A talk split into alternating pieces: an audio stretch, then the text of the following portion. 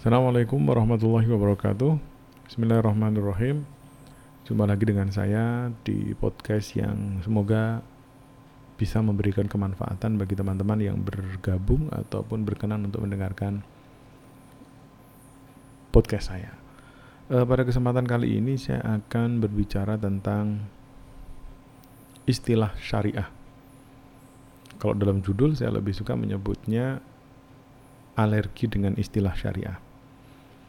Di beberapa kesempatan yang lalu cukup lama sebenarnya saya mendapat kehormatan untuk menyampaikan konsep rumah sakit syariah. Uh, setelah saya menyampaikan konsep tersebut di hadapan beberapa orang yang cukup penting dan berpengaruh, uh, saya mendapat respon yang cukup menarik untuk kita bicarakan dan kita bedah pada kesempatan yang cukup singkat ini. Pertama, saya ingin menyampaikan sebuah uh, informasi bahwa rumah sakit kami akhir-akhir ini sedang getol sekali sedang berupaya untuk mendapatkan sertifikat rumah sakit syariah. Konsep rumah sakit syariah sendiri sebenarnya adalah konsep yang digagas oleh Mukisi, Majelis Upaya Kesehatan Islam Indonesia, atau dalam bahasa yang lebih uh, mudah dipahami, merupakan organisasi di mana rumah sakit-rumah sakit Islam, klinik, dan bahkan juga e, beberapa rumah sakit swasta bergabung di organisasi tersebut dan punya tujuan untuk membumikan rumah sakit syariah di Nusantara. Konsep ini dibuat disusun oleh Mukisi kemudian di sounding ataupun disampaikan dipresentasikan kepada Dewan Syariah Nasional MUI dan kemudian terbitlah fatwa tentang eh, prinsip-prinsip uh, rumah sakit syariah. Sehingga nantinya harapannya rumah sakit itu tidak asal klaim bahwa mereka adalah rumah sakit Islam, tetapi harus ada parameter yang digunakan untuk mengukur keberislaman rumah sakit Islam. Sehingga nanti kita terhindar dari hmm, apa ya bahasanya mungkin praktek-praktek nakal yang bersembunyi di balik nama Islam. Sebenarnya kalau saya pribadi dengan konsep sertifikasi ini sangat uh, menarik untuk dibicarakan, menarik untuk dikaji lebih lanjut. Nah, pada saat saya memaparkan tentang konsep rumah sakit syariah, bahwa rumah sakit syariah itu adalah rumah sakit yang manajemen dan pelayanannya mengacu ataupun berorientasi pada makosidus syariah al-islamiyah yang menurut Imam Ash-Shatibi ada lima dimulai dari menjaga agama, menjaga keturunan, menjaga uh, kehormatan, kemudian menjaga jiwa, menjaga harta dan lima itu. Um, saya menyampaikan kepada audiens bahwa lima elemen ini nanti akan diterapkan di manajerial dan juga pelayanan rumah sakit. Manajemen contohnya seperti bahwa rumah sakit itu diharuskan untuk bekerja sama dengan perbankan syariah. Meskipun ada kelonggaran di sana karena ada beberapa keharusan kerjasama dengan perbankan konvensional maka ada kelonggaran. Meskipun ini sifatnya darurat. Jadi sebisa mungkin dipindah ataupun menggunakan perbankan syariah. Contoh ya ini contoh. Karena biasanya kalau saya ngobrol dengan beberapa teman terkait konsep rumah sakit syariah itu mereka kurang bisa atau belum bisa mungkin ya karena masih belum banyak uh, di didengar ataupun digaungkan sehingga masih terkesan awam. Jadi saya pendekatannya pakai contoh. Nah, contoh di manajemen lagi ada keharusan membayar zakat. Jadi karyawan itu dipotong 2,5% untuk zakat profesi.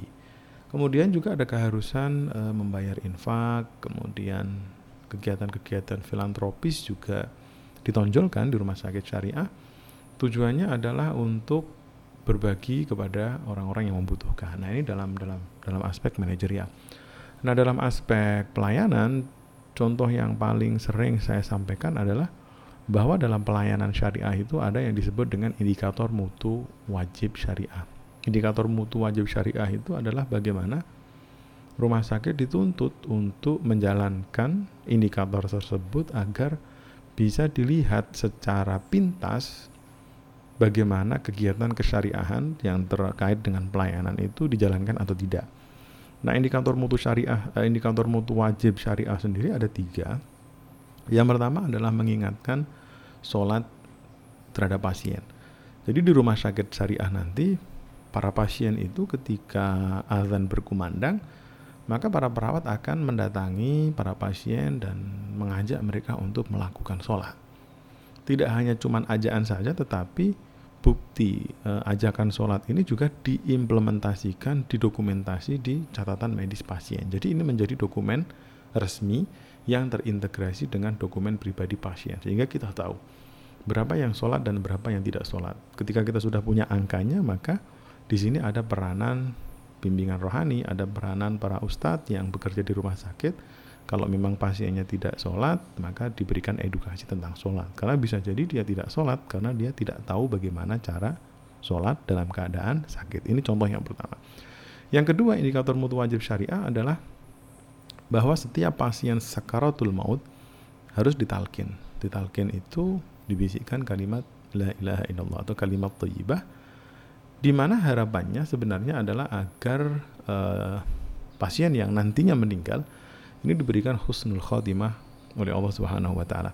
Cuman kadang-kadang ada beberapa yang salah memahami bahwa talqin itu fungsinya adalah agar mendapat uh, fungsinya adalah talqin itu diistilahkan dengan husnul khotimah. Jadi kalau ditalkin berarti pasti husnul khotimah. Nah, ini menjadi permasalahan tersendiri bagi beberapa orang katanya mereka mengatakan oh gitu berarti kalau meninggalnya di rumah sakit syariah berarti otomatis ya husnul khotimah enggak gitu juga tapi uh, talqin itu adalah cara kita ikhtiar kita untuk menghadirkan predikat husnul khotimah kepada orang yang meninggal jadi bukan jaminan sebenarnya nah ini tidak boleh disalahpahami karena tidak ada satupun di muka bumi yang bisa menjamin seseorang husnul khotimah kecuali amalnya sendiri. Yang berikutnya yang ketiga indikator mutu wajib syariah adalah pemasangan kateter ataupun selang pipis dilakukan oleh perawat yang sama gendernya dengan pasien. Jadi kalau pasiennya laki-laki dipasang oleh perawat laki-laki, kalau perawat pasiennya perempuan dipasang oleh perawat perempuan. Itu kurang lebih atau secara singkat konsep rumah sakit syariah dari perspektif manajemen atau manajerial dan juga pelayanan. Nah, yang menarik ketika saya menyampaikan argumentasi ini, kemudian juga saya mengambil beberapa contoh rumah sakit yang ada di Jawa Tengah terutama yang sudah bersertifikat uh, syariah. Contoh yang paling dekat dengan Jepara adalah Rumah Sakit Islam Sultan Agung Semarang. Ada sebuah respon menarik yang perlu untuk kita renungkan bersama di antara respon menarik itu, menarik dalam tanda kutip ya, adalah mm, ada tanggapan mengatakan, oh jangan syariah gitu. Kalau rumah sakitnya jangan disyariahkan dong gitu. Alasannya adalah karena ketika nanti rumah sakitnya syariah, maka yang boleh berobat hanya orang-orang yang pakai cadar. Hanya orang-orang yang pakai celana cingkrang. Hanya orang-orang tertentu atau kelompok-kelompok tertentu yang berobat ke situ. Kan rumah sakit kita itu rumah sakit yang menerima semua golongan, semua agama, semua suku bahkan kita tidak membeda-bedakan. Nanti kalau ada rumah sakit syariah malah jadinya rumah sakit itu eksklusif. Baik. Dari statement ini saya menangkap sebuah salah kaprah. Di tengah masyarakat ketika kita mendengar istilah syariat, syariah itu konotasi atau yang terbesit dalam benak kita pertama kali adalah pemandangan pemandangan pemandangan memilukan pemandangan-pemandangan yang menyeramkan yang ada kaitannya dengan mungkin Islam radikal ataupun Islam yang intoleran dan masih banyak lagi. Padahal Bapak dan Ibu sekalian, tidak ada korelasi sedikit pun antara Islam, antara syariat dengan perilaku menyimpang umat Islam. Ini harus dibedakan. Syariat Islam itu ajaran yang sangat mulia.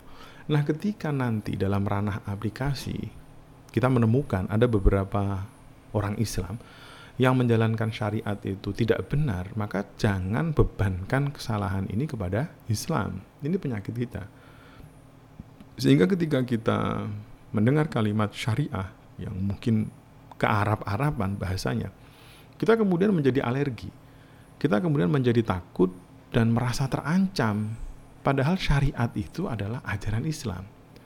Nah, kalau Anda melihat bahwa yang meneriakkan syariat ataupun yang meneriakkan kalimat takbir itu adalah orang-orang yang menggunakan kekerasan dalam kesehariannya, maka jangan salahkan takbirnya, maka jangan salahkan konsep syariahnya, tetapi evaluasilah seorang yang mengaku muslim dan dia menerapkan agamanya dengan tidak sesuai. Nah ini penyakit kita. Kadang-kadang juga kita kalau seperti itu nanti kita akan masuk pada uh, masuk pada kategori Islamofobia. Jadi kita benci segala sesuatu yang berbau Islam. Padahal itu sebenarnya ajaran yang baik. Nah, ini menarik Bapak Ibu sekalian dan kawan-kawan sekalian yang mendengarkan podcast ini. Dari sini saya ingin menyampaikan sebuah pesan bahwa syariat itu bukan sesuatu yang menyeramkan. Syariat itu bukan sesuatu yang eksklusif. Tadi kalau dikatakan bahwa nanti yang datang ke sini hanya orang-orang yang pakai cadar gitu ya atau orang-orang yang celananya cingkrang gitu Enggak juga, kita sebagai rumah sakit ini siapa pun yang membutuhkan bantuan kita, kita tolong kok.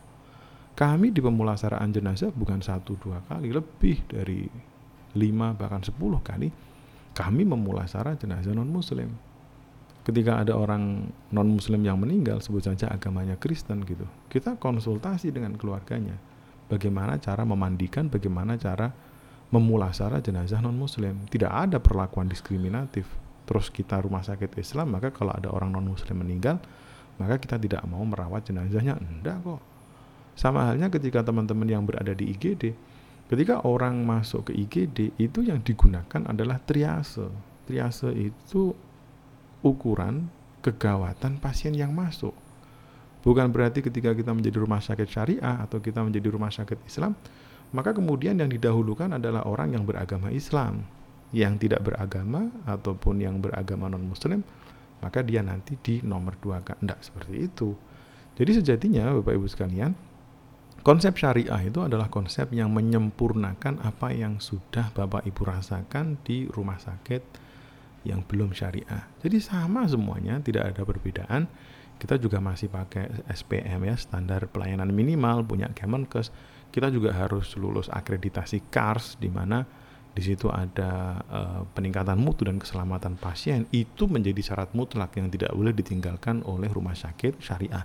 Jadi salah kaprah jika menganggap bahwa rumah sakit syariah itu adalah rumah sakit yang eksklusif khusus untuk kelompok tertentu, golongan tertentu.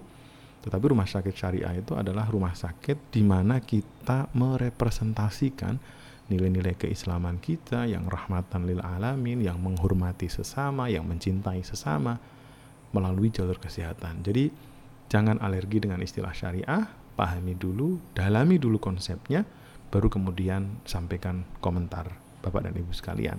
Saya pikir ini adalah uh, semacam wacana baru atau informasi baru karena mungkin tidak banyak Bapak Ibu sekalian yang mendengar konsep syariah atau rumah sakit syariah. Semoga bermanfaat dan semoga menjadikan kita lebih bijaksana untuk bersikap jangan benci syariah karena syariat itu adalah uh, perintah Allah Subhanahu wa taala. Dalam surat Al-Jathiyah ayat 18 Allah mengatakan thumma ja'alnaka ala syari'atin minal amri fattabi'ha. Kemudian Allah menunjukkan atau membuat bagimu syariat. Syariat itu jalan yang lurus, maka ikutilah. Wala tattabi ahwa alladzina la ya'lamun. Semoga bermanfaat dan sampai ketemu pada kesempatan berikutnya. Terima kasih. Assalamualaikum warahmatullahi wabarakatuh.